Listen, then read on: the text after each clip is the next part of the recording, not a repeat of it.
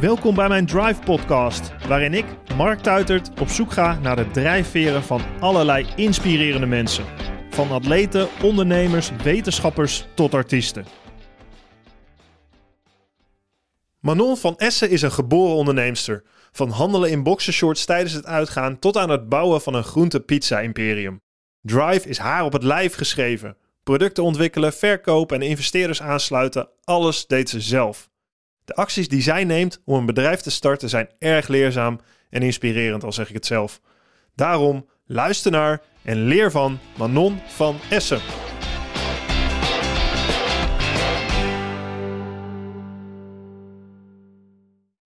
Voor je aan de podcast begint, wil ik je kort wat vertellen over mijn nieuwe boek. Drive, train je stoïcijnse mindset. Tijdens mijn carrière, maar nu ook als ondernemer en vader, heb ik veel gehad aan de principes van de stoïcijnse filosofie. De stoïcijnse mindset heeft voor mij het verschil gemaakt om succesvol te zijn. Overigens zijn het veel principes die ik herken bij de sporters, coaches en high performers die ik voor mijn podcast spreek.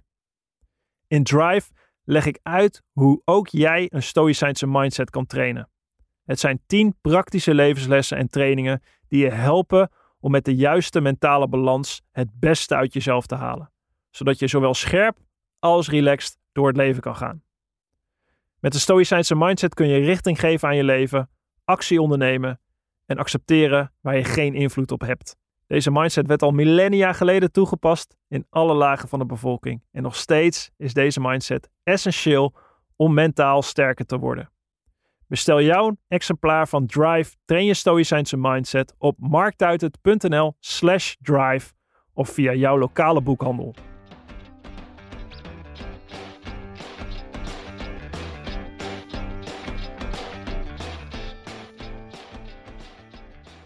We lopen. Manon, leuk dat je hier bent. Dankjewel. Um, nou, ik denk wel dat we het over ondernemen gaan hebben. en over wat jou drijft. Mijn podcast heet niet voor niks Drive. Uh, daarover beginnend. Wat, wat drijft jou? Als je even terugkijkt misschien naar je jeugd, naar waar je nu staat. Wat, waar word jij blij van? Ik word met name blij als ik, uh, als ik iets kan doen waar ik heel erg goed in ben. Dus ik denk dat ik vanuit vroeger, als ik dan vanuit mijn jeugd mag kijken, is dat ik best wel gemiddeld was. Dus dat ik nooit ergens heel erg goed in was. Dus ik had niet echt een talent. Je kreeg uh, niet het, uh, de beker van sportwedstrijden? Of en dan van... net niet. Dus ik was overal wel goed in. Maar dan de nummer nooit... vier? Ja, nee, nee, nummer twee. Oh, Oké, okay. oh, dan ja. nog wel. Nee, maar dat is nog wel vervelender, toch? Ja, nou, ze hebben onderzoek gedaan naar, naar medaillewinnaars. Zeg maar de, de nummer 2. En uh, die is inderdaad het minst ongelukkig, want die kijkt naar de nummer 1. Mm -hmm. En de nummer 3 is uh, iets minder gelukkig dan de nummer 1, maar ook nog best wel gelukkig, want die kijkt naar de nummer 4. Oh ja, ja. Die heeft toch nog een medaille, staat toch nog op het podium. Dus ja, wat dat betreft, dat zou misschien kloppen, ja. Ja, dus eigenlijk uh, wilde ik heel graag ergens goed in zijn en dat, dat was ik niet. Dus ik denk dat mijn drijf is altijd van later ben ik ergens goed in. Ik ga ooit ergens goed in worden. Ja. Maar was op school dan? Was je gemiddeld ook? Of? Nee, nee, nee. Ik was wel, ik zat wel bijvoorbeeld in zo'n, uh, dat noemde zo'n pluskind, dat ik wel zeg Ja. maar extra bijlessen kreeg of extra lessen kreeg voor slim en zo, maar ik uh, had dan niet de hoogste CITO-score van de school, maar alleen van mijn klas, weet je. Maar Misschien was ik ook een beetje streverig. Dit verklaart wel een hoop, ja. Ik was niet zo speciaal. Je had wel de hoogste CITO van de klas, maar niet van de hele school. Ja, Nee. dat, dat zegt ook wel iets over hoe je naar, daar zelf naar kijkt. Heel erg grappig dit. Ambitieus ook. Ja, ja, zeker. Ja, overal echt het beste uit willen halen. Ja. Maar wat heb je, wat ging je, wat heb je, heb je VWO gedaan, middelbare school? Of? Ja, ik zat op, uh, op gymnasium, alleen ik hield gewoon niet zo van leren, dus ik, uh, ik uh, ging een beetje de leraren pesten en zo, dus ik heb uiteindelijk mijn HAVO afgemaakt. Oh, Oké, okay. Ja. hoezo dan? Wat deed je? Waarom, waarom eh, Ja, ik was gewoon heel snel ook verveeld. En dan, dan ging ik zeg maar gewoon kleine grapjes, Latijnse lerares opsluiten. En gewoon een beetje vervelend was ik. En altijd uh, heel weinig op school. Dus ook met mijn eindexamen zeiden mensen van... Oh, ik vind het knap dat iemand kan slagen als je gewoon nooit op school bent. Dus ja, veel spijbelen, veel weg. Dus eigenlijk ja. deed je er gewoon helemaal niks aan? Nee. Aan nee, school? Nee, ik vond het niet leuk. Wat vind je wel leuk? Ja, je zei net, al... ik wil ik doen wat ik leuk vind. Ja, ik, ik, ik was toen ook al bezig met handelen en ondernemen. Dus dat zit er bij mij al in vanaf kinds. Uh, dat ik uh, ja, op de zaterdag aan het handelen was op uh, marktjes. En eh, kralen aan het maken en eh, aan het verkopen. En ik had dan weer een eigen, een eigen kinderkledinglijn ergens opgekocht. En ik was de eerste die Björn Borg illegaal verkocht op, eh, op Marktplaats. En daar was ik dan heel druk mee eh, voor mijn leeftijd. Ja. Grappig. Het is wel, dat is wel typisch ondernemend ook. Inderdaad, niet per se de, de schoolboeken en, en dat te saai vinden, maar gewoon eh, in het echte leven ja. dingen. Maar wat zat daarin dan? Wat, was, wat is verkopen? Wat, wat is daar zo leuk aan? Eh, ik denk dat ik terugkijkend dat ik dan dat ik zeg maar iets kon vermeerderen of dat het kon groeien. Dus dat ik dat, dat, ik dat leuk vond. Dus dan, dan kocht ik bijvoorbeeld een, een doos met boxershorts en dan ging dat s'avonds verkopen. En dan eh, kocht ik op een gegeven moment had ik echt allemaal subdealers in, de, in mijn omgeving. Ik kom uit een boerendorp. En dat elk dorpje eromheen had dan een subdealer en die werd dan geleverd door mij. Dus het was dan, ja, dat vond ik echt fantastisch. Daar was ik heel erg mee bezig. Ja. Nou, je, je was al wel bezig om niet zozeer alleen iets te verkopen, maar ook gewoon al het schalen bijna. Ja, ja, Kijk, hoe kan ik dit uitbereiken? Maar terugkijk, toen vond ik dat heel normaal. Maar achteraf gezien is het natuurlijk best wel raar als iedereen gewoon aan het drinken is in de kroeg. Dat jij met je rugzak opstaat, letterlijk zo met, met boxershorts erin. En dan meer met het verkopen bezig Dan bent. ging je niet stappen. Je- boerendorpjes, ja, Veluwe kom je vandaan. Ja. Ja. dat is volgens mij vrij gangbaar dat je dan gewoon s'avonds de kroeg in gaat, toch op Ja. zaterdag. Als je Ja, gewoon rond- ook door de week eigenlijk deden we dat wel. Ja. Maar dan ging ik ook wel mee. Alleen dan wel met mijn rugzak met... met Oh, je ging naar de Stash. kroeg om gewoon boxershorts te verkopen. ja, Je gaf iemand twee biertjes en je dacht, nou, dat gaat even net iets makkelijker. ja, Oh, wat grappig, joh. ja.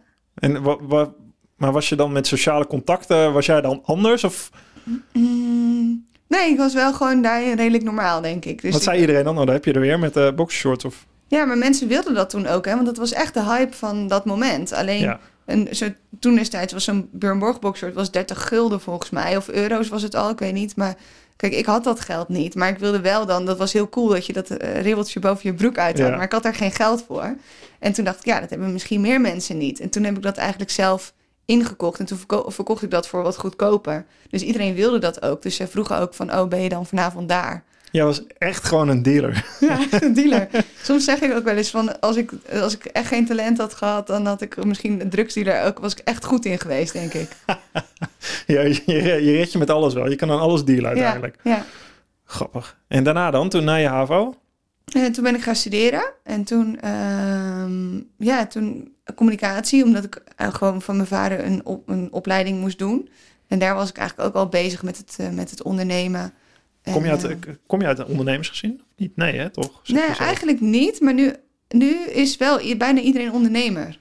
Dus dat is toen Van, destijds... van, je, van je, wat, je ouders ook. Ja. Dus Dat waren mijn- ze niet. Nee, van mijn familie. Mijn moeder was, die had een eigen schoonheidssalon, dus dat is Oh, ondernemer. Ja.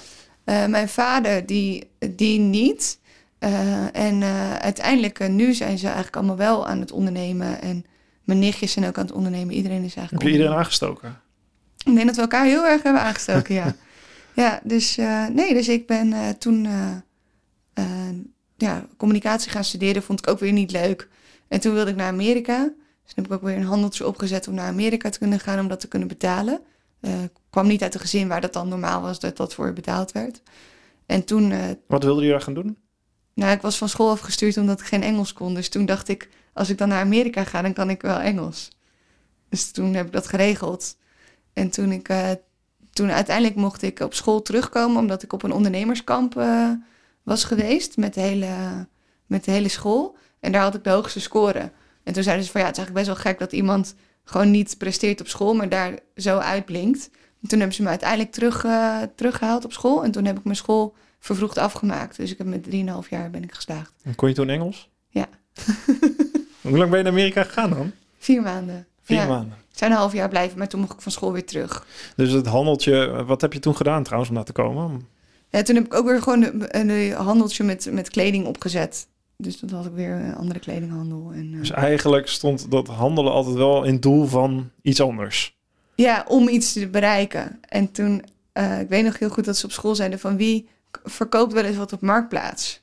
En ik had toen al nou, 60 pakketten per dag of zo. Dus ik zei ja, ik. En zei ze, oh, wat doe je dan? Dus zei ik ja, verkoop 60 pakketten per dag. En die, eh, die leerder dacht echt, wat is dit? Maar ik vond het natuurlijk heel normaal, dat, want dat deed ik al heel lang. Dus dat was gewoon heel normaal dat ik dat deed. En mijn ouders vonden het ook normaal. Ja. Dus ja, dus dat zat er gewoon een beetje in. En toen uiteindelijk ben ik afgestudeerd op een, eh, op een onderzoek. Ehm, want ik zag eigenlijk alle fast 50 bedrijven, dus dat zijn de meest snelst groeiende bedrijven van Nederland, zag ik eh, dat ze of in de fotoalbums zaten of in de fotokaarten, zoals een Greets of een Hallmark of de Albellies van destijds. En ehm, toen dacht ik, oh, het is best wel zonde dat je Drukwerk heel erg. De ja, drukwerkdeal komt ja, online. Ja. En toen dacht ik, oh, het is best wel zonde dat je daar dan je handschrift mist als je een fotoalbum maakt. En toen dacht ik, oh, het is best wel cool om dan een software te hebben eh, die je eigen handschrift kan herkennen. En dat je dat dan onder je fotoalbum neerzet. En daar ben ik op afgestudeerd. En uiteindelijk is dat mijn eerste bedrijf geworden. Grappig. Ja. En wat, wat wist je daarvan af? Van tevoren? Nou, helemaal niks eigenlijk. Ik had gewoon het idee om, om een software te maken waarmee je je handschrift kon herkennen. Maar ik ben best wel autodidact en als ik dat dan wil, dan ga ik dat ook echt doen. Dus ik heb mezelf heel erg opgesloten. En ik had een eh, bedrijf gevonden wat failliet was. En die had eigenlijk al die software, maar dat was dan offline.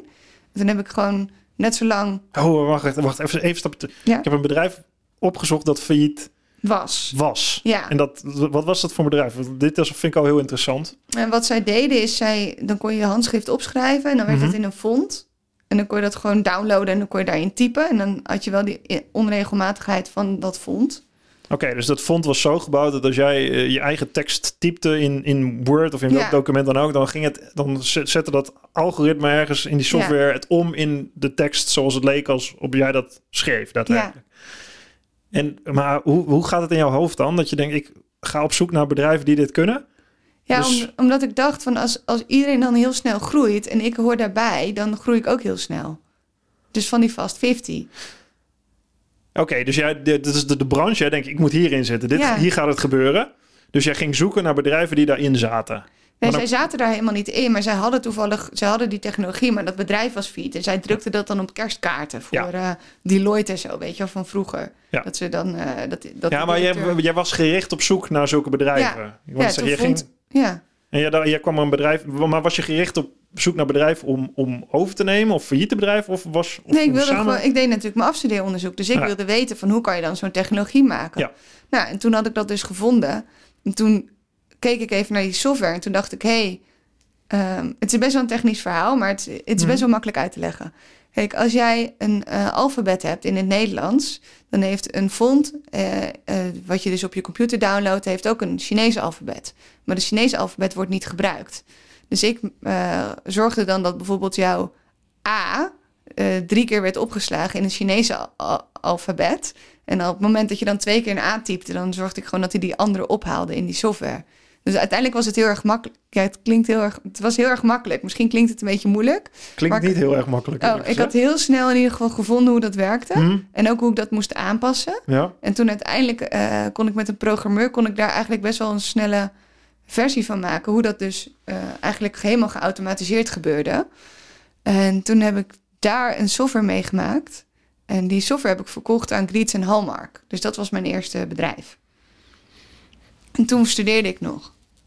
21. Oké, ja, maar dit zijn hele dit zijn stappen. Ja, misschien je noemt het terloops. afgehaakt. Ja. Nee, nee, je, je- ik vind het fantastisch, maar je noemt heel erg terloops. Toen heb je het verkocht aan Greets en Hallmark als op de marktleiders op dat gebied. ja, als Eh, licentie, ja.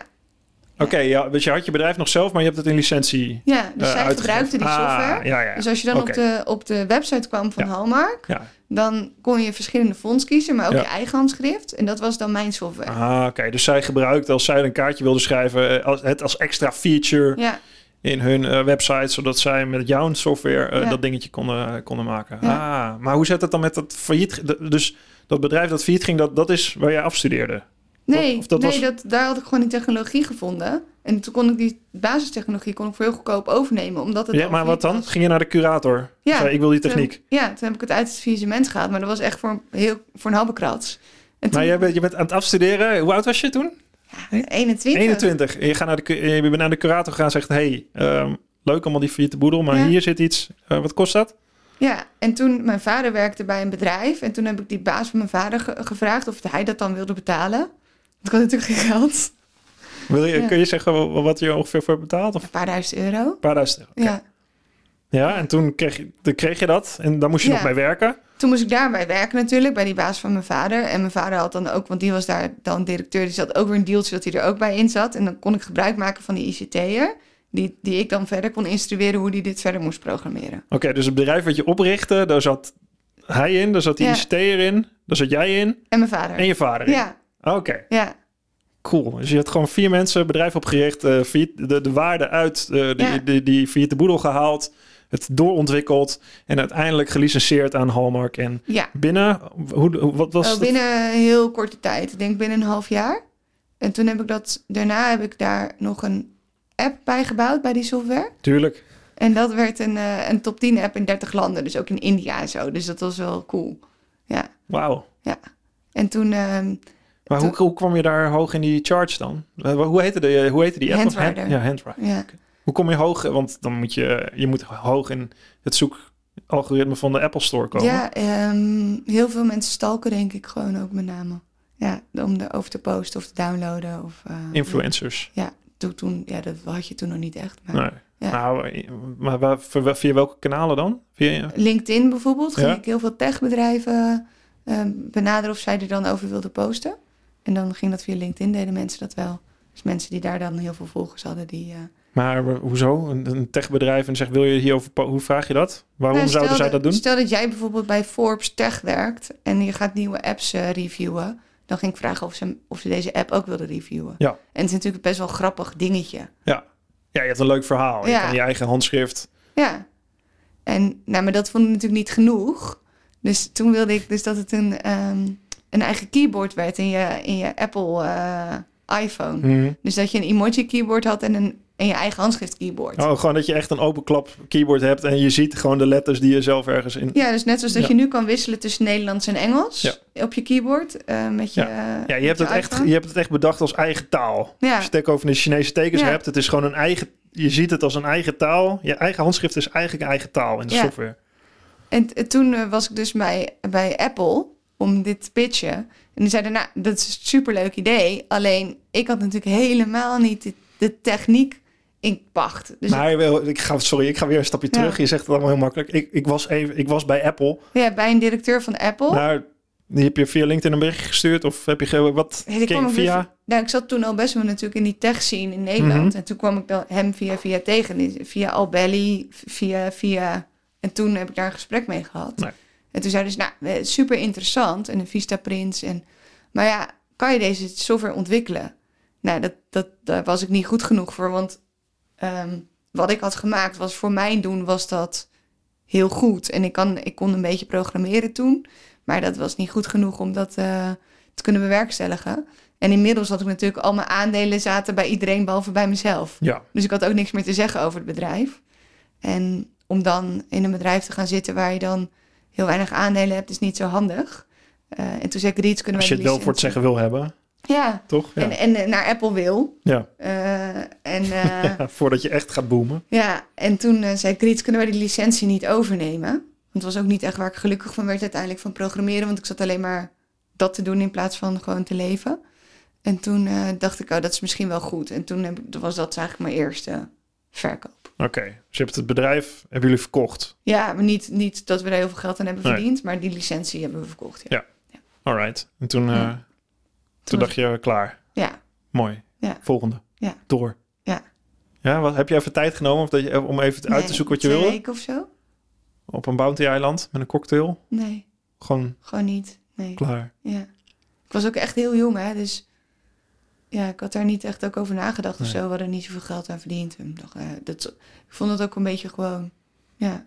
Wat is niet zoveel geld? Is het, Nee, je moet echt niet geen- aan tonnen denken of zo, Nee, oké. hoor. Enkele tienduizenden euro's. ja, nee, dan kun je wel even leuk van vakantie en eh, dat zing je eventjes uit, maar eh, Ja, verder kan je er niks mee. niet life-changing. Nee, nee. nee. Dus toen moest ik een dat geld gebruiken om weer een nieuw bedrijf te starten natuurlijk. Ja, tuurlijk. ja. En toen eh, heb ik een, eh, in de voethallen heb je in Amsterdam, dat is een, Mhm. eh, ja, een soort verzamelgebouw waar je eten kan kopen eigenlijk. en daar had ik pokeballs en quinoa sushi. Het was natuurlijk ook weer veel te ver voor de tijd, maar goed, Ja, wel, welk jaar hebben we het nu over? tien jaar geleden of zo. Ah ja. En nou, iets langer, iets minder lang, zeven jaar of zo. En ehm, wat ik daar dus merkte is dat dat dus helemaal niet leuk was. Want als jij van een eh, app gaat naar 30.000 downloads in een maand... en dan sta je op 9 vierkante meter pokeballs en sushi te rollen... Nou, ik was daar zo ongelukkig dat ik na drie maanden zei tegen mijn compagnon... want het liep supergoed. Toen zei ik, joh, wil je het niet overnemen? Toen zei ze, ja, is goed.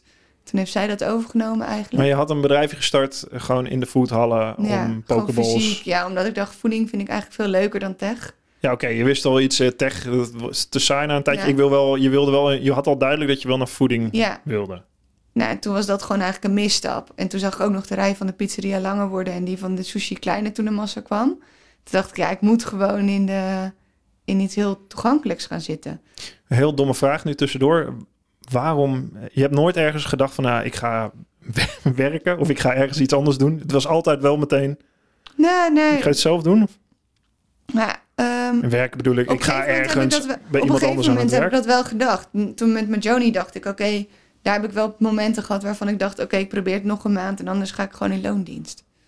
Ik kan het zeggen, het, het heftige van het ondernemen had je toen ook al meegekregen. Ja, alleen het voordeel was natuurlijk als je jong begint, dat, je, dat iedereen om je heen arm is. Want iedereen studeert nog, niemand Ja. verdient geld, dus het maakt allemaal niet uit. Ja.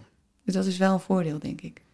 Ja, dat, eh, Ja. dan denk je, ja, we hebben, ja, als je niks hebt, heb je ook niks te verliezen in Nee, principe. en Dus iedereen kan was blij doen. als je... eh, Iedereen stond eh, in het park met een biertje, dus het was niet een groot verschil tussen mij en de rest. Ja. Alhoewel ik tegenwoordig wat het idee heb dat iedereen wil ondernemen of iedereen in één keer iets wil opstarten. Ja, Terwijl niet iedereen er geschikt voor is misschien. nee, dat denk ik ook niet. Maar jij, was het, in was het toen jij, ja, we hebben nu 2010, 11, 12, 13 Ja. denk ik over. Ja? Was het bij, jou- bij jou ook zo? Was jij, was jij nog steeds een vreemde eend in de bijt? Of? Ik wist eigenlijk niet dat ondernemen gewoon een vak was dat je dat kon doen. Dus toen ik begon, wist ik eigenlijk niet wat een ondernemer was.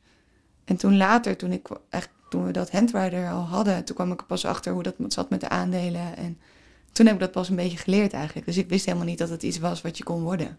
Nee. Dus Ja, dit is eigenlijk ook heel vreemd. Ja. Je creëert het zelf. ja. ja, dus dat, eigenlijk nee. Hm. En ik denk dat dat nu anders is. Dat, dat mensen dat heel erg zien als mogelijkheid. En dat Ja. dat, maar de vraag is of je dat moet willen. Ja, klopt. Dat je, als je op YouTube kun je alles vinden. En als je YouTubers eh, en heel veel influencers moet geloven, dan is het eh, ABC, aandelen, eh, et cetera. En geld ophalen en dot, dot, dot, dot. Ja, Ga ze maar door. mhm. De realiteit is natuurlijk anders. heel erg anders. Ja. Wat was voor jou... dus hoe lang heb je, hoe lang heb je dat gedaan in, in de voethallen? Een paar maanden. Een paar maanden.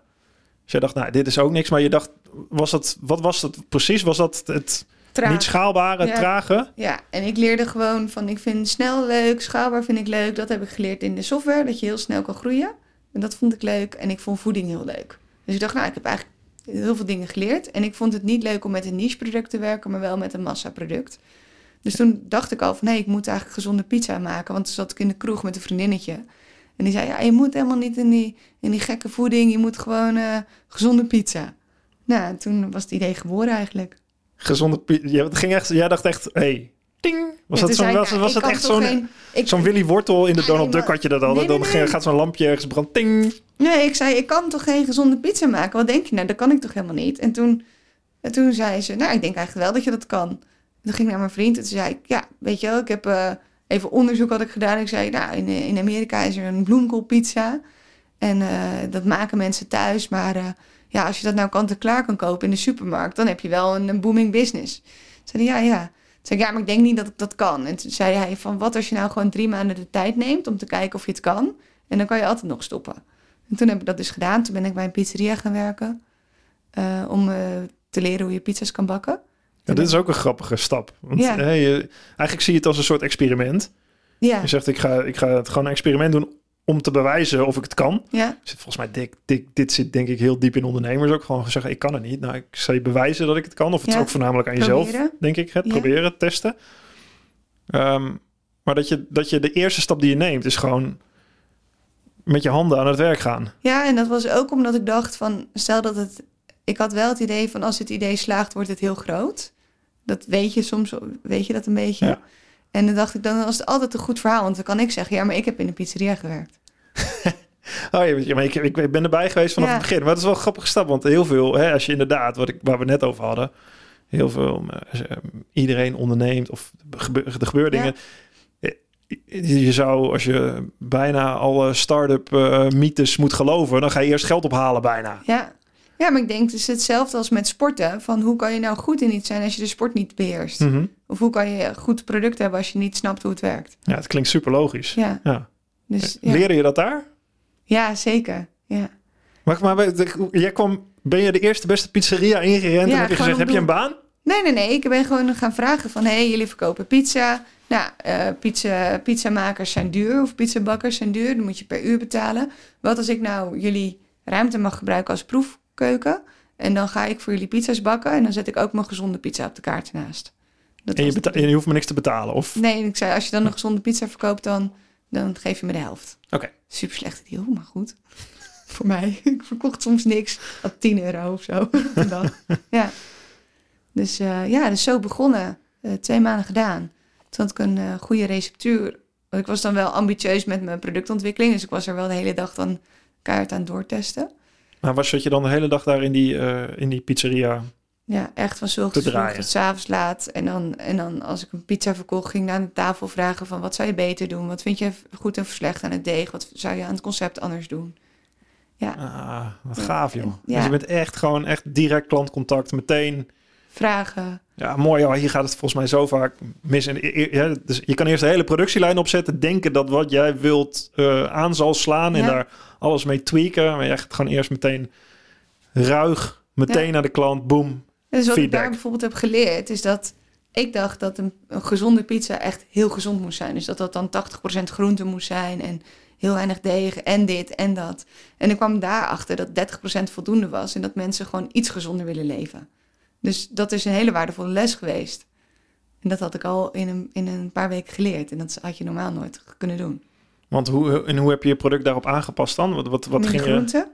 Minder groente. Ja, dus het, het originele concept was veel, eh, veel gezonder eigenlijk.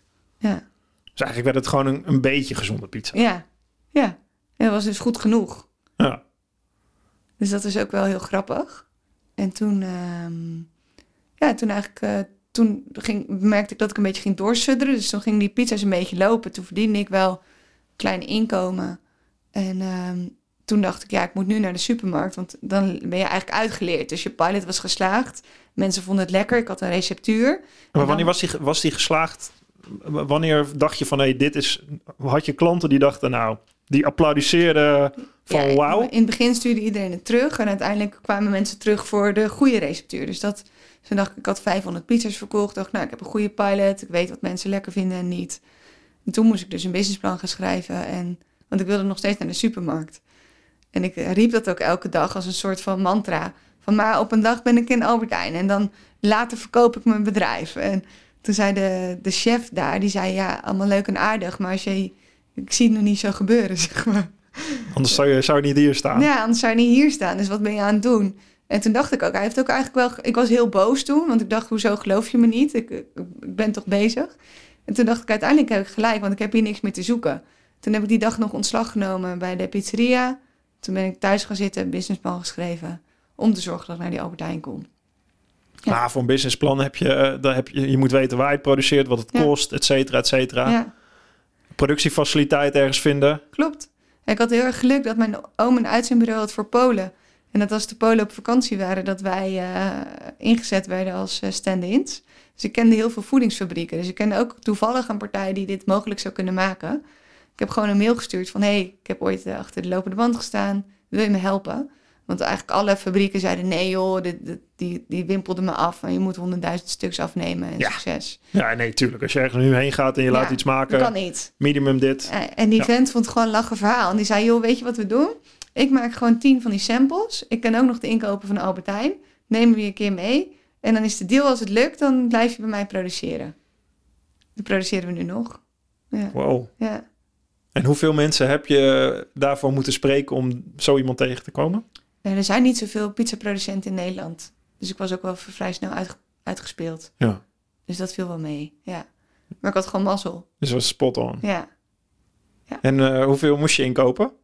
Nee, niks, want hij had gewoon tien gemaakt. En hij zei, joh, dat doe ik wel even in het begin, want we kregen 80 winkels. Nou, het stelt allemaal niet zoveel voor. En Albert Heijn die dacht ook van, ja, dit meisje, dit is, die is heel standvastig. Maar of het echt iets ging worden, was ook maar de vraag. Stond je wel op de radar daar dan?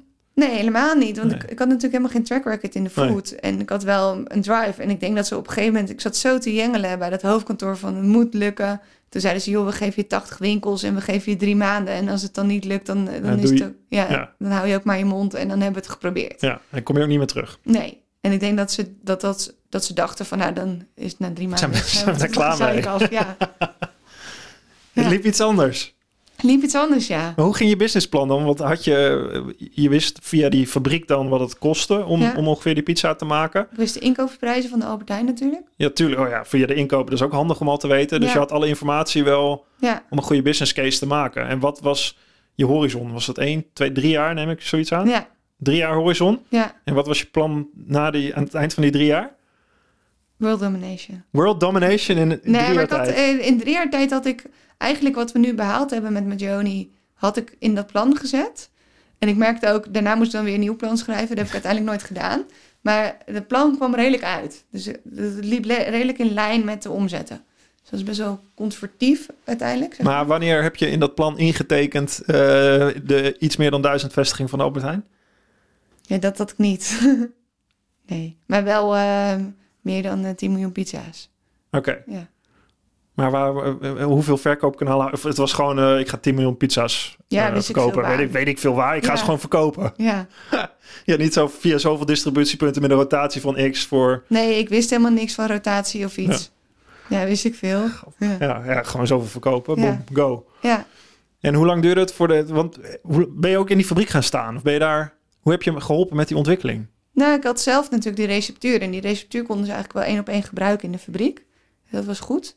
En ik kon wel, ik kon wel natuurlijk eh, ik kon wel helpen. Ook. Ik wist inmiddels wel veel van pizza. En eh, dus er stond ook een Italiaanse afwasser in het restaurant waar ik werkte. Dus die, die heeft me heel veel geleerd. En verder ben ik wel veel mee gaan helpen. Maar uiteindelijk in de supermarkt is het met 80 winkels begonnen. Nou, toen kregen we 130, 250. In wat voor horizon was dit? Dat ging best wel snel. Wanneer, wat, wanneer, wa- wa- zeg maar even voor mij voor het tijdspad, wanneer ging je naar die producent en zei je, we hebben pizza's, dit is de receptuur, we gaan het maken. De eerste deel die je sloot, de distributiedeal, was, met, was dat Ja, met Albert Heijn? in de zomer, begon, be- zomer begonnen met mijn idee. Ja. Nou, toen even ook naar andere partijen gegaan van... hey, kan, kan ik dit bij jou verkopen? Kan ik dit bij jou verkopen? Toen zei Ja. iedereen van, je moet naar Albert Heijn. Toen Maar welke partij dan? Was dat? Stag bijvoorbeeld. Ja, dat kent niet iedereen, maar het is een kleine supermarkt in eh, Amsterdam. En toen Ja. in die pizzeria drie maanden. Toen in september begonnen aan mijn businessplan. En toen in november de deal gesloten bij Albert Heijn. Wow. En toen in februari dat jaar de opt-in gekomen. Dus dat was ja, een paar maanden. Jee, Ja, wat snel. ja. En, en dat ging productietechnisch, ging dat allemaal goed? Ja, alles ging goed. Ik moet zeggen dat het gewoon echt een soort van super lelijk product was om te zien. Maar mensen vonden het grappig en prima. Achteraf gezien schaam ik me kapot hoe ik dat in de supermarkt heb gelegd. Maar we hadden geen geld voor een verpakking. Dus we hadden gewoon een sticker op het folie geplakt. Maar ja, dat is ook weer de charme, denk ik, uiteindelijk. Want waar kwam je terecht in het schap? Was Albert Heijn, ze je op een gegeven moment? Toen, wat, Ja. Wanneer kreeg tractie? Was het meteen vanaf- Gelijk. Want ik moest binnen drie maanden scoren. Toen had ik nog een paar vrienden. En die eentje was, eh, die werkte bij Boulevard. Toen zei ik, Ah. ja, weet je wat je moet doen? Je moet mij gewoon een item geven in Boulevard. En die heeft dat geregeld. Ja, toen ging het. Cool. En Ja. wanneer was dat? Was dat toen je lanceerde bij Albert Heijn zo'n Ja. beetje? Dus dat had je gepland wel met de lancering? Ja, Ah. en toen, eh, toen ging het eigenlijk wel keihard al. Ja. En Waar had je die 80 vestigingen? Was het allemaal grootstedelijk? Albert Eh, Heijn? nee, gewoon de XL. XL's? Ja. Dus dat was wel, dat ging, dat ging goed. En dan moet je natuurlijk gaan schalen. Want, Ja. Ja. Leuk, pizza, werkt, verkoopt. Ja. Top, goede, goede testcase. ja. Dan begint het echt. Dus toen eh, moesten we ineens, eh, werden we een echt bedrijf, moesten we gaan opschalen, productieproblemen. en Abel Slippens, de oprichter van Sligro, Ja. die, eh, die was mijn co-founder. Voor, ja. Ah, Oké, dus, maar dat heb je in de tussentijd ook nog gedaan. Oh ja, een investeerder gevonden. Ik wou net ja, zeggen, die vergeten we. ja, Dus dat was, was dat meteen een onderdeel van je businessplan ook? ja. Dus je dacht, ik ga zoveel procent heb ik nodig voor dit.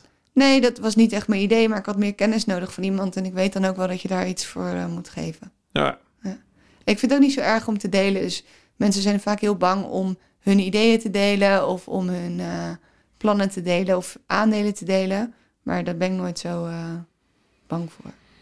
maar je, je bent wel gericht op zoek gegaan naar Ja, ga niet Naar twee dingen. laten doen. Nee. Nee. maar je moet wel de beste uit je geld industrie. en netwerk. Ja, ja, En Abel Sli- Sligro, beste, de, die had je wel. meteen al op de korrel. ja.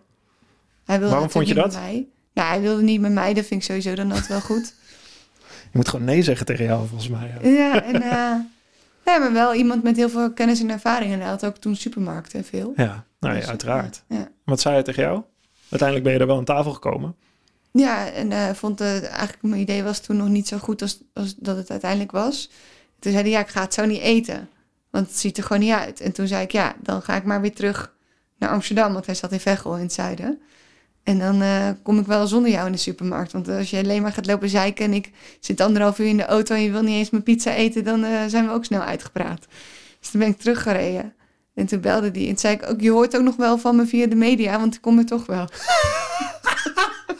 Nee echt boos. En toen belde die me. Toen zei hij, ja, weet je wat het is? Je krijgt gewoon zoveel tegenslagen in je leven. En je moet, als je iets wil, moet je er wel 100% achter staan. En niet bij de eerste windvlaag denken van, ik stop ermee. En dat had hij wel door dat ik dat niet zou doen. En toen, eigenlijk sindsdien zijn we best vrienden. soort van, ja. Ja, dit, dit is eigenlijk dit is het verschil. Te- inderdaad. Ja. Hij stelt je eigenlijk door nee te zeggen, test hij gewoon je eigen assumpties. Gewoon, ja. ja. precies. Want ondernemers natuurlijk doorzetten. Ja. Ja. Ja, en keihard geloof hebben als niemand er meer in gelooft, alsnog. Ja. Gewoon weet, ik ga het gewoon halen. Linksom Ja. of rechtsom, met jou of zonder. Ja, mijn vrienden die vonden me natuurlijk ook, was ook echt de, de grap van iedereen. Want ik had natuurlijk eerst met de software best wel een beetje succes, helemaal voor mijn leeftijd en het ging allemaal goed. Ja. Toen stond ik ineens in een pizzeria. En mensen dachten, dit kind is helemaal gek. Ja, Ja. Dus, dus ik voelde ook wel een beetje van, nou, nu- er moet wel een keer iets komen. Ja, maar dan komt er iets, ligt er de shit aan tafel met iemand en met netwerk en met geld. Perfect investeerder zou je Mhm. zeggen. Maar je bent ook bereid dan om weg te lopen. Ja. Ja. En toen belde hij en wat zei hij? Nou oké, had je hem wel de, de, de, de, de terms al uitgelegd of hoe jij het wilde? Of word nee, je nee, nodig nee, dat hebben we gewoon niks? samen een beetje bedacht. Want ik dacht, ja, je kan dan wel heel hard in de wedstrijd gaan zitten. Nee. Maar ik had ook nog geen ervaring in de food. Dus ik zei, nou, dan beginnen we gewoon met een kleine percentage en dan zien we wel. Dus zo gezegd, zo gedaan. En hij dacht dat hij nog een keer moest gaan investeren en dat hij dan meer aandelen zou krijgen. Maar Die volgende ronde is nooit gekomen. Nee. ja, Waarvan akte. Ja, mooi, netjes. ja. Ehm, dus ja, je had alles klaar. En, en, maar dan, die test gaat goed. Je investeerder aan boord. eh, alles eh, staat. En wat gebeurt er dan? Want dan moet je hard opschalen. Volgens mij in, Ja. in verkooppunten kreeg je meteen al, alle Albert Heijns dan. Naar... Na, na een jaar ongeveer kregen Ja. we dat. Toen natuurlijk ook in team echt opgeschaald. Ehm superleuke periode gehad met dat team. Hoeveel mensen moest je aannemen? Mm, niet zoveel. Eh, We zijn uiteindelijk met, eh, op het hoogtepunt waren we denk ik met 12 of 10. Ja. Ehm, En wat voornamelijk voor mensen? sales naar buitenland. Sales buitenland. Ja. ja, dus we lagen ook best wel snel in Engeland. Dus je wilde buitenlandse distributie echt zelf, zelf doen. Intern Ja. eigen mensen. Ja. Niet agenten. Nee, daar hadden we te weinig marge voor. Dus Ah, eh, pizza is natuurlijk best wel eh laag prijs. Ja, Dus wij konden dat helaas niet. En, eh, anders ja, had je het wel gewild. anders had ik het wel zeker gedaan. Maar ik kon ook zelf... ik ben zelf binnengekomen bij, in Engeland. En veel contact in Amerika gehad. Maar dat was misschien een beetje te ambitieus. Maar Engeland uiteindelijk liggen we nog steeds. Ja, Hm? Ja. En dat team staat klaar. ja Snel, dus je, waar was jij dan? Want was jij in één keer van de een op andere dag, word je dan CEO? Ja, het Nee, is veel joh, te grote naam. nog Het is steeds- gewoon van alles. ik was de pizzabakker gewoon. Weet je, ik deed Maar jij moest die mensen aannemen Ja, en aansturen. en aansturen Ja. en bewaken. En met name denk ik de spirit creëren. Want ik denk dat dat net zoals met een trainer, dat je de, dat je de, de, sfeer bepaalt alles. Dus we moesten 's ochtends iedereen binnen, hup, motivatie erin, veel uit je dag halen. Eh, ze noemen elkaar ook de Majonies op kantoor. Weet je, dat zegt heel veel over de spirit die er is. En we hebben gewoon heel veel lol gehad. En er ging echt van alles fout. En dan stonden er weer containers aan pizza vast voor de douane. Maar we hadden echt lol. Het was een hele, hele mooie periode. Heel leuk. Ja. Hey, en als je, je begon eh, te zeggen van ik eh, wil doen waar ik goed in ben. En, eh, waar, waar kwam je achter bij jezelf waar je goed in was? Wat je Ik- moest gaan doen? Ik vind mezelf nog steeds dus niet heel erg goed. Dus ik merkte dus dat ik dat mijn kracht dus is. je, dat je ik- komt niet meer weg met die hoogste CITO score en niet meer goed, hè? Kom op. Nee, maar ik merkte dus dat mijn kracht dus is dat ik nergens extreem goed in ben. Hm. Dus dat ik niet één ding heb, maar ik kan redelijk goed verkopen. Ik kan marketing, ik kan designen, ik kan Finance, doe je dat ook? ja, businessplannen maken. Ja? Eh, de productontwikkeling en ik kan eh, ook een stukje tech. Dus eigenlijk heb ik alles om het een beetje te kunnen. En dan is de truc natuurlijk om mensen aan te nemen die het beter kunnen. Ja. Dus eh, dat was eigenlijk voor mij als CEO best wel makkelijk, omdat je, omdat je het een beetje kan. Dan kan je ook de juiste vragen stellen. Ja, je weet er genoeg van om een goede vraag te kunnen stellen. En dan hoop je iemand aan de andere kant te hebben die, die je verbaast met Die het net wat beter kan. Ja. Ja. Gaaf. Ja, maar dat heb je ook nodig. Dat is het gek als ondernemer. Je hebt van alles, je moet alles, alles begint en staat en eindigt bij jou. ja. Dus je moet overal wel, je komt niet meer weg met ergens niet echt verstand van Nee, hebben. dat denk ik, ik denk het niet. Als je, ik denk dat als je, dat je heel ver komt. Eh, maar ik denk dat als je echt, eh, echt een stapje verder wil, dat je dat wel moet weten, vind ik. Ja. Ja. En wat zijn de hele grote uitdagingen voor jou geweest in dat opschalen? Hmm, kostprijs van de producten. De bloemkoolprijs steeg enorm. En eh, ja, we hadden natuurlijk een productiefaciliteit, maar we kunnen geen miljoen pizza's maken per dag, zoals een Dr. Utker dat wel kon. Eh, dus ja, dus uiteindelijk moesten wij op zoek naar, naar een hogere productiecapaciteit. Naar een andere producent. Hmm, dat op zich nog niet Nee. zozeer, maar we moesten wel in die kostprijs naar beneden. En we hadden voor die opschaling hadden we kapitaalkracht nodig. Dus toen eh, wilden we eigenlijk een investering gaan ophalen. Maar toen kwam er een, partij die, of een paar partijen eigenlijk die ons wilden overnemen. Nou, hoeveel, waar, hoe, hoe ver in de rit zitten we nu na die zomer Twee met dat idee? zo, ja. Eh, Twee jaar kreeg je overname. Ja. eh, Kreeg je al mensen die belden of via LinkedIn Ja, jou het- benaderden. Ja, het ding was dat bloemkoolpizza, die trend werd enorm groot in Amerika. En wij waren eigenlijk de eerste die dat op machinaal op grote schaal konden. Ja, Toen kwamen de copycats, dus de Ja. grote partijen gingen dit ook doen. en die konden er niet. En die konden het niet, die kregen het niet in de Klassiek supermarkt. verhaal. Ja. En het mislukte allemaal. En toen dachten ze, ja, dan kunnen we beter. Waarom is dat, denk je? Waarom kunnen die grote partijen niet zo'n nieuw product? Omdat ik het gewoon veel liever wilde dan zij. Dat is denk ik het hele verschil van succes. Dat de een wil het gewoon wat grager dan de ander. Voor die partijen is het nice to have. We doen het er maar bij Ja. en kijken wel of het werkt. Voor mij was het mijn reputatie, mijn geld, mijn alles. Ja, Grappig hè, maar dat zulke partijen, ze kunnen niet iemand aannemen die dat dan ook gaat doen. Het lukt Nee. gewoon niet. lukt niet. Nee.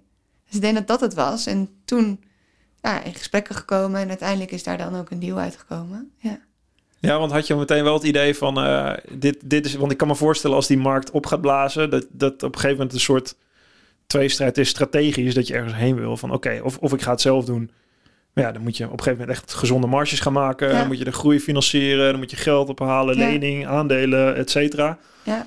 Of er is een partij in, ja, dat is misschien de, de gemakkelijke route. Is dat een andere? Of, Ik denk wat het ding was, is dat ik zoveel nodig is juist? geldzorgen ook had in me, zeg maar, omdat ik natuurlijk altijd, als ik dan geld had verdiend, investeerde ik dat weer blind in het volgende concept. Ja. Dus ik had ook nooit echt goed geld.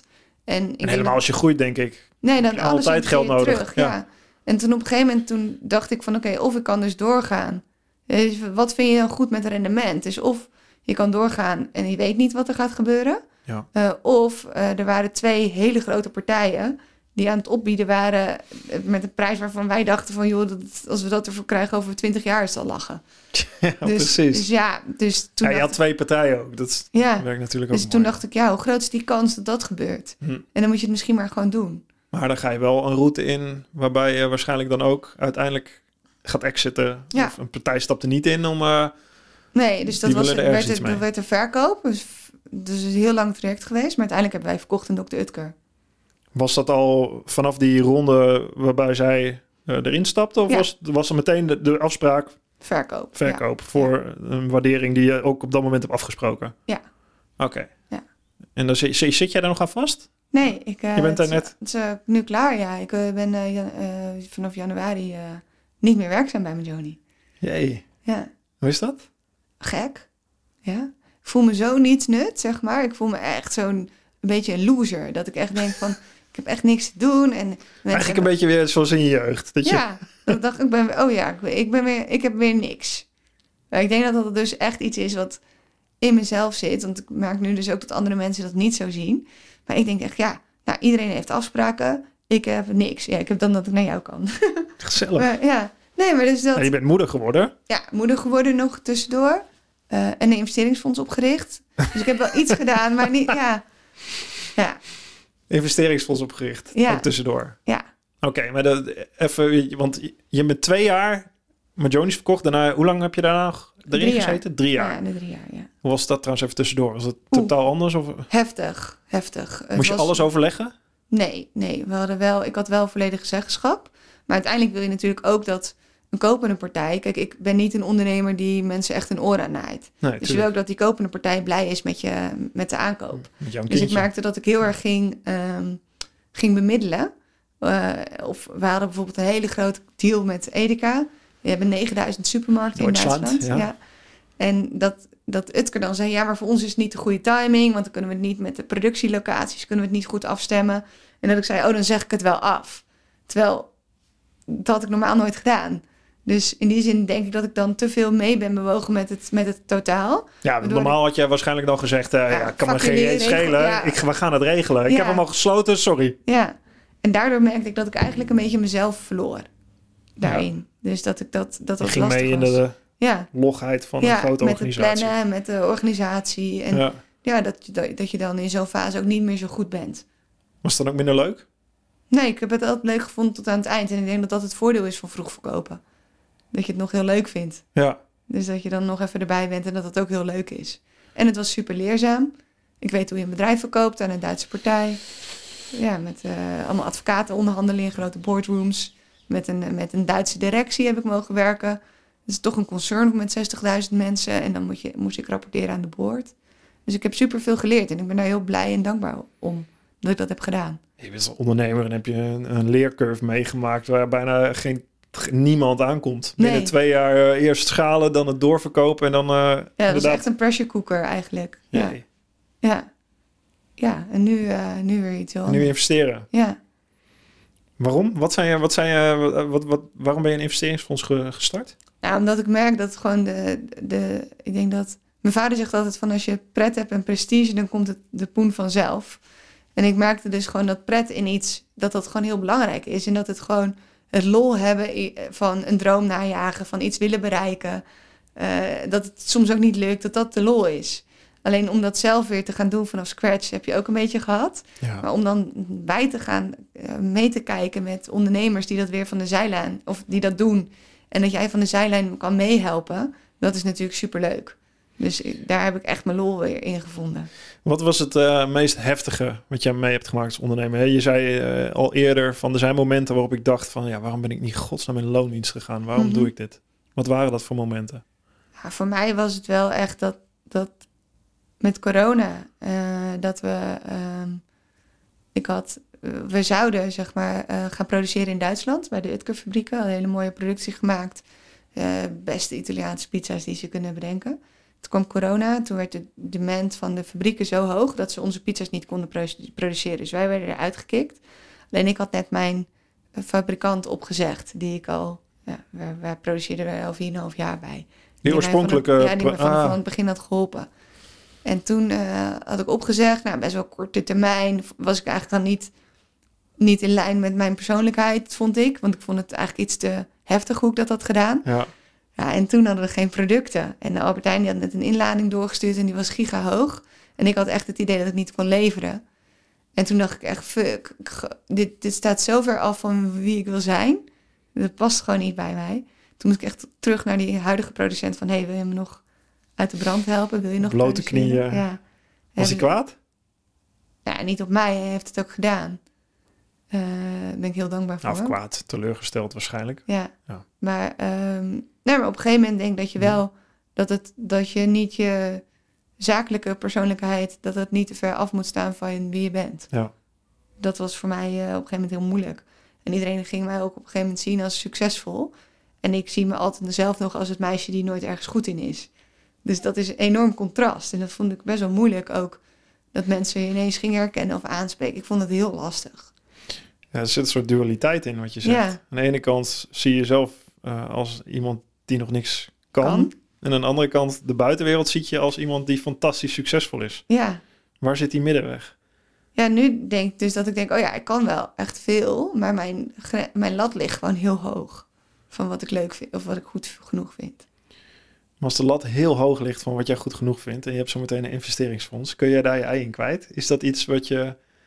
Gaat het Ga je niet weer een keer ergens iets bedenken waarvan je denkt, oh... Nou, wat dus heel erg grappig is, is dat ik merk dat mensen, als ik dus dag en nacht voor één bedrijf werk, mensen best wel gek worden. Want ik kan echt... Van jou? Ja, want dat is echt van, van zes uur s ochtends tot tien uur s avonds van... hé, hey, moet daar niet een bewijs van, hè? Moet er niet, uh, moeten we niet een pastinaakpizza maken tot uh, de marketing van... oh, we moeten dat doen of uh, is dat niet de goede smaak? En dat is best wel veel persoonlijkheid, denk ik, voor een bedrijf. En nu als investeerder heb je tien bedrijven. En dan kan ik al die energie verdelen. En dat is soms voor mensen ook wel lekker. voor andere mensen. Ja, Maar voor jezelf? ik vind het heel leuk op deze manier. Ja. En ik denk wel van, hoe vaak heb je echt een liefde zoals pizza of zo? Of een, een, hoe vaak kom je je ware liefde tegen? Dat is misschien niet zo vaak.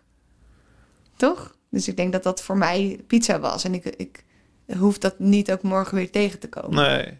Nou, ik ken, ik ken wel ondernemers op een gegeven moment als ze een kindje hebben gebouwd en ze nemen er afscheid van. Bijna allemaal zeggen ze, ja, dit, dit is allemaal zo heftig en intens. Eigenlijk wil niemand dat nog een keer meemaken. Nee, maar eigenlijk ook weer wel. Maar eigenlijk ook weer wel, ja. ja. Maar ja, dus ik ben heel blij met hoe het nu is. Dus dat ik een beetje op adem kan komen. ja. eh, iets, iets normale ritme hebt. Nee, is dat die middenweg ergens vinden inderdaad tussen aan de ene kant van jezelf vinden dat je iets niet kan, de andere wereld vinden dat je succesvol bent, de middenweg ergens tussen vinden van, nou, ik ben eigenlijk best wel goed in een paar dingen, daar zet Ja, ik mezelf voor in. En wat, Ja, maar kijk, ons investeringsfonds moet dan wel het beste investeringsfonds worden. ja, Dus dat kan niet een gewoon investeringsfonds worden. Of dat, waarom niet?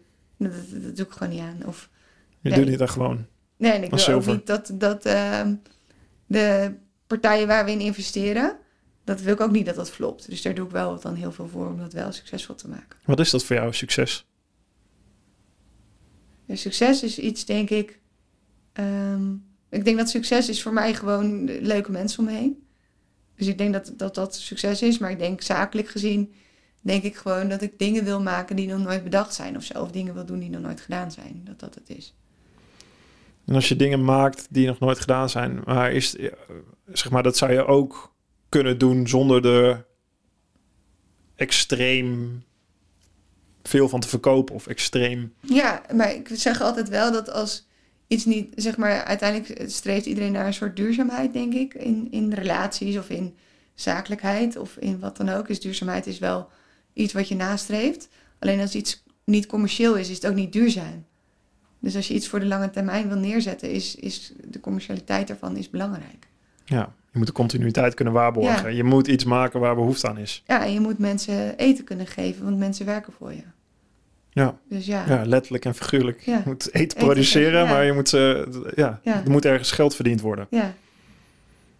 Maar is dat iets wat je, als je kijkt naar de toekomst, wat, wat, jou, wat je drijft? Of is, is geld meer de vertegenwoordiging van, van die waarde? Of van, Nee, ik merk wel dat, dat als ik bijvoorbeeld... ehm, als ik dan niet genoeg geld verdien, dat ik de- wel denk, oh, ik ga failliet. Dus dat ik wel altijd een soort noodzaak heb om heel veel geld te verdienen. Dus dat wil ik altijd wel. Eh, dus in die zin is het wel belangrijk. Maar het is met name belangrijk omdat ik dan een soort incasseringsvermogen heb. Omdat ik dan nu bijvoorbeeld tien bedrijven kan starten. En dan, dan kan ik ook wat fouten permitteren, zeg maar. Dus het is meer een soort handelsvaluta. Ja. Daar kijk ik ook echt naar. ja, het is gewoon een optionaliteit ja. die je hebt. En ben je dan ook rustiger nu? Ben je, voel je je Nee, niet? Nee. Nee, ik voel me nog steeds hetzelfde. Dus ik voel me ook niet... Nee. Nee. Dat is heel grappig. Maar denk je in je hoofd nog steeds, ik kan morgen failliet gaan, ik noem maar iets. Of kapot gaan. Ja, ja dus, eh, ik, het is eh, heel erg du- duaal. Dus ik kan zeg maar... De ene dag kan ik een, een privéboot huren met een kapitein... en dan ga ik eh, op de Bahama's cruisen. En dan kan dat allemaal. En dan de andere dag, dan sta ik in de supermarkt... en denk ja, blauwbessen zijn echt 3,29. Ik koop ze wel in de aanbieding. Ja, dat is ook iets wat, dat is onderdeel ook van je drijfveer, toch? Zou ik bijna zeggen. Of ja, ja? En, en ik denk meer dat, dat geld voor mij... ehm, dat ik merk dat, dat het niet hebben van geld, dat doet, mij, dat doet mij pijn. Want wij waren vroeger heel arm. En dat wil ik gewoon niet meer. Dus, dat, dus in die zin is het belangrijk. Wat heb je daaruit meegekregen? Uit, Ja, wij hadden, wij, wij hadden, vroeger hadden wij dat gewoon niet. Dus dat was gewoon, ja, echt opgevoed. ja, maar hadden we niet, wat, wat niet? Wat, heb je een voorbeeld? Eh, ja, het voorbeeld was meer dat mijn ouders, eh, mijn ouders waren eerst bij elkaar. Toen gingen mijn ouders scheiden. We woonden dus in een heel groot huis. Of mijn moeder, we hadden dat best wel goed voor die tijd, denk ik.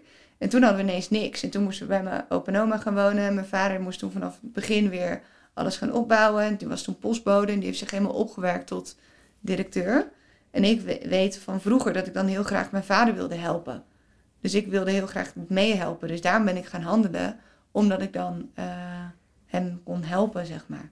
Het sloeg natuurlijk helemaal nergens op. Niet dat mijn, niet dat mijn eh, Nee, maar dat is grappig. Ik, ik zit even naar het voorbeeld te gissen waar, ik- waar, waar ik het laatst heb gezien. Of het een documentaire of een boek was. Maar dat is ook iemand die ja, in principe zich nooit meer geldzorgen hoeft te maken. Maar de, de, de angst om niks meer te hebben en, of om alles te verliezen, dat is zo'n grote, ook voornamelijk in de jeugd al gezien, is zo'n Ja. grote drijfveer om eigenlijk al, altijd te denken, ja, ik ga hier niet komen. Terwijl je laat, het laat je nooit helemaal los, dat je denkt, Nee. dit kan gebeuren. Ook al is het totaal absurd voor sommige mensen die, die, die Ja, heel- miljoenen hebben, wat Ja. je, maar toch heb je altijd idee, maar ik, Ja. ik denk dat het ooit misschien wel mis, ik wil daar gewapend tegen zijn. Ja.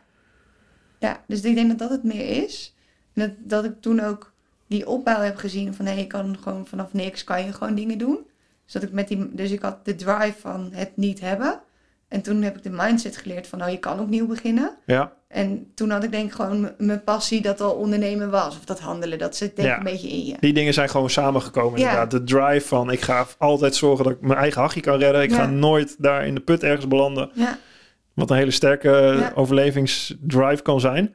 En dat ik, ja, ik had ook nog een hele nare jeugd. Dus ik denk dat dat ook een Ja. wegrennen van is. Ja. Dus ik had iets waar ik me in kon verschuilen. Ja. Is dat nog steeds dan, wat, dat zit dan nog steeds in je, dat, dat, dat je denkt dat je, Fiet kan gaan. ja, of dat Ja. je niet, ja, maar ook toch dat wat je eerst zei, dat, je, dat, dat het niet genoeg is. Of dat je, dat je niet genoeg bent. Of dat Dat je, niet goed genoeg ben. dat je niet goed genoeg bent. Ja, ik denk dat dat ergens nog wel... Ik weet dat dat super irreële angst is. Net dat ik, Ja, niet, ja. ik kan niet failliet gaan, bij wijze van. Of ik moet echt heel erg mijn best gaan Ja, doen. ja. Ehm, ja, dus dat dat twee dingen zijn die, die zitten er gewoon in. En ik krijg dat er niet uit. En ik denk dus ook dat ik... Nu denk ik ook van waarom zou ik dat eruit willen hebben? Want het is mijn allergrootste kracht. ja. Toch? Ja. Ja, als je er zelf niet te veel aan leidt. Nee, helemaal niet. Nee. Nee. Which is, als je het accepteert en Ja. het heeft je ergens gebracht en gedreven. Als het je niet in de weg zit, als je maar blijft doen wat je mooi vindt, dan. Dan is het prima. Ja. En dat doe je Ja. volgens mij. Ja. Is Gaaf. dat? Dankjewel, Yes. Manon, eh, voor je verhaal en je inspiratie. Heel gaaf. Dankjewel.